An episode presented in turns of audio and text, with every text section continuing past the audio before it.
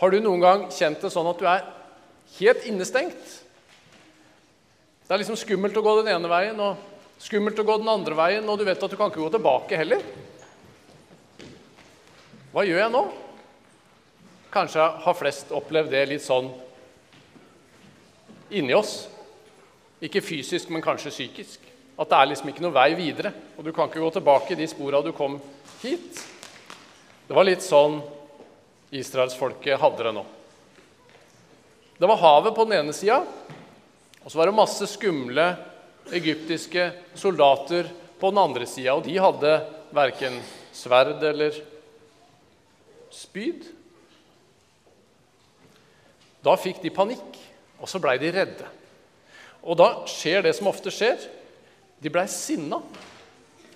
Sinne kan noen ganger virke som en utvei i redsel og andre vanskelige følelser. Det hjelper absolutt ikke. Men vi reagerer gjerne sånn når vi blir usikre. Det har vi kanskje merka noen ganger.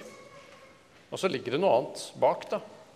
Israelsfolket de blei kjempesinna på Moses og på Gud. Hvorfor har dere leda oss ut her i ørkenen? Det var jo mye bedre å være slaver. Da fikk vi i hvert fall leve. Nå kommer farao til å ta oss, og så kommer vi til å dø. De ville mye heller tilbake til det forferdelige slaveriet. Sånn kan det være litt med oss også. Vi glemmer så fort at Gud har all makt. Gud hadde jo lova å føre folket ut av Egypt.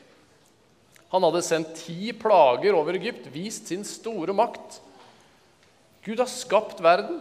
Selvfølgelig hadde han en plan nå også, men det var lett å glemme.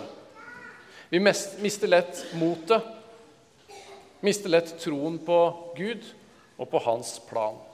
Og så vil vi heller slå oss til ro, da, som slaver under verdens hersker.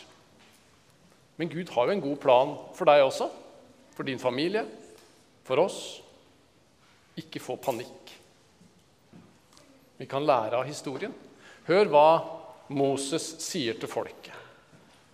Da sa Moses til folket, 'Vær ikke redde, stå fast, så skal dere få se at Herren frelser dere i dag.' For slik som dere ser egypterne i dag, skal dere aldri se dem mer. Herren skal stride for dere, og dere skal være stille. Vet dere, Forsangerne de har en liten sang om akkurat det verset. Så de skal få lov å synge det. Så kan vi dvele litt ved det, de fine orda. Herren skal stride for dere, og dere skal være stille. Tar vi med oss den sangen før vi går videre?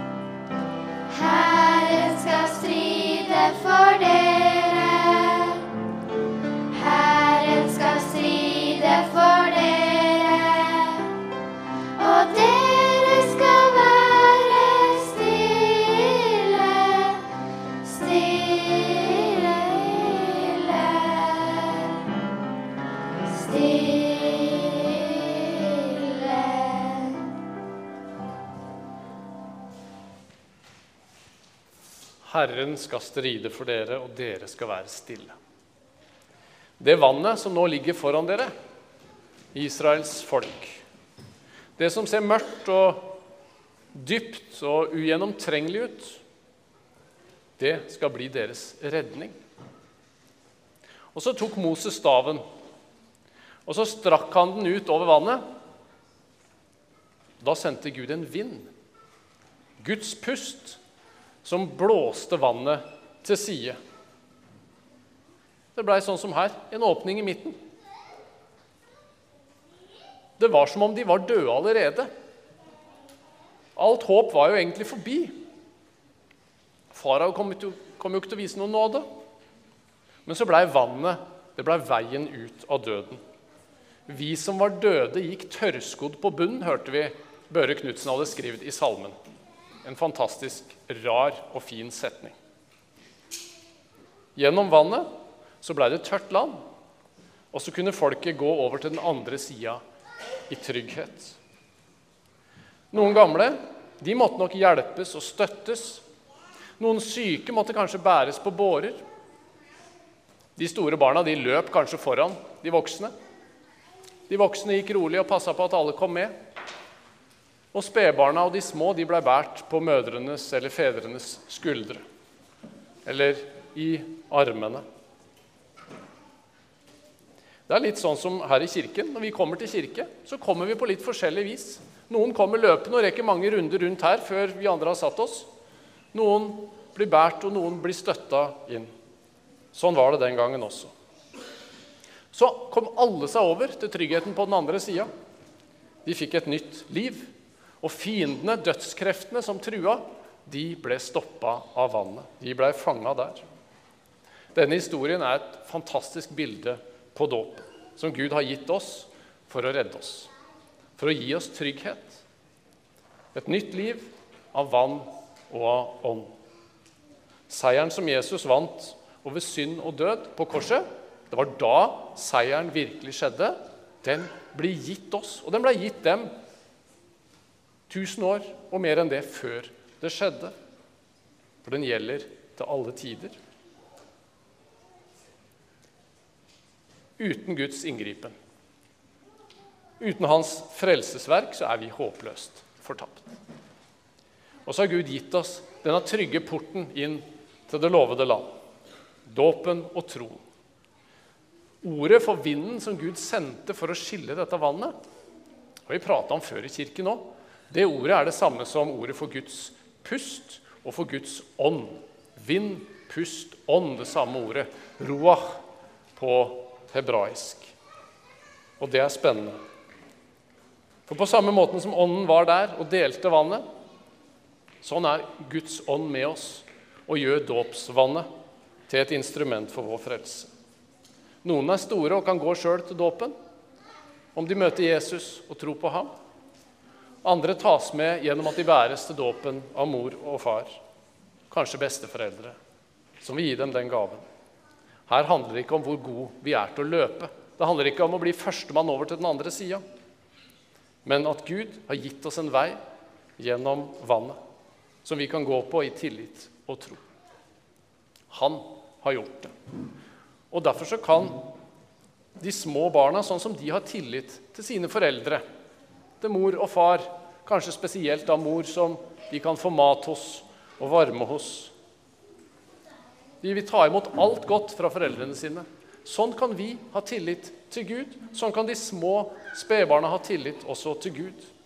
Deres barnlige tillitstro den er ikke noe dårligere enn vår mer intellektuelle voksentro.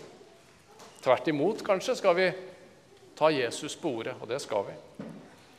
Men den er bare annerledes. Og begge typer tro er Guds gave til oss, som vi får ta imot. Så kommer folket over på den andre sida. Og så begynner det et nytt liv. Sånn er det også med dåpen. Det er inngangsporten til et nytt liv.